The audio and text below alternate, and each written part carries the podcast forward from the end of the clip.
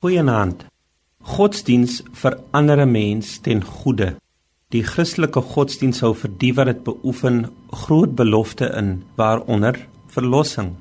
Die naam van die stigter van ons godsdiens, Jesus, beteken in Hebreëus God verlos.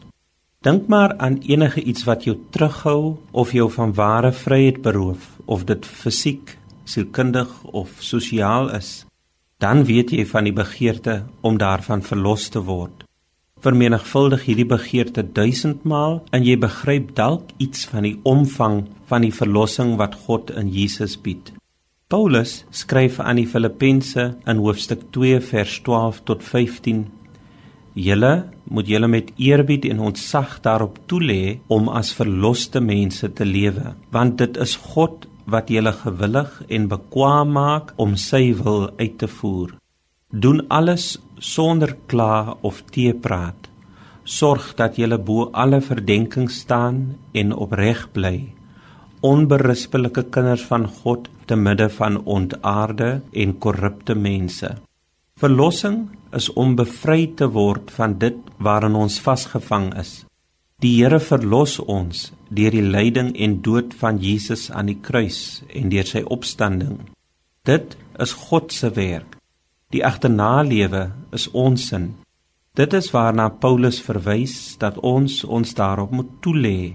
Ons moet werk maak daarvan.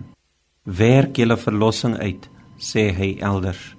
Al is dit ons werk om as verlosters te lewe, is dit nogtans iets waartoe die Here ons in staat stel. Dit is God wat ons gewillig en bekwaam maak om sy wil uit te voer, hoor ons in vers 13.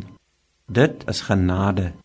Daarsonder kan ons nie ware godsdiens bedryf en ten goeie verander nie.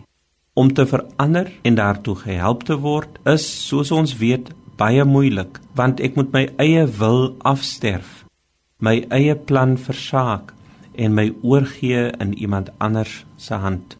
Daarom is die daaglikse onsse Vader gebed 'n geestelike oefening wat help om ons te versterk.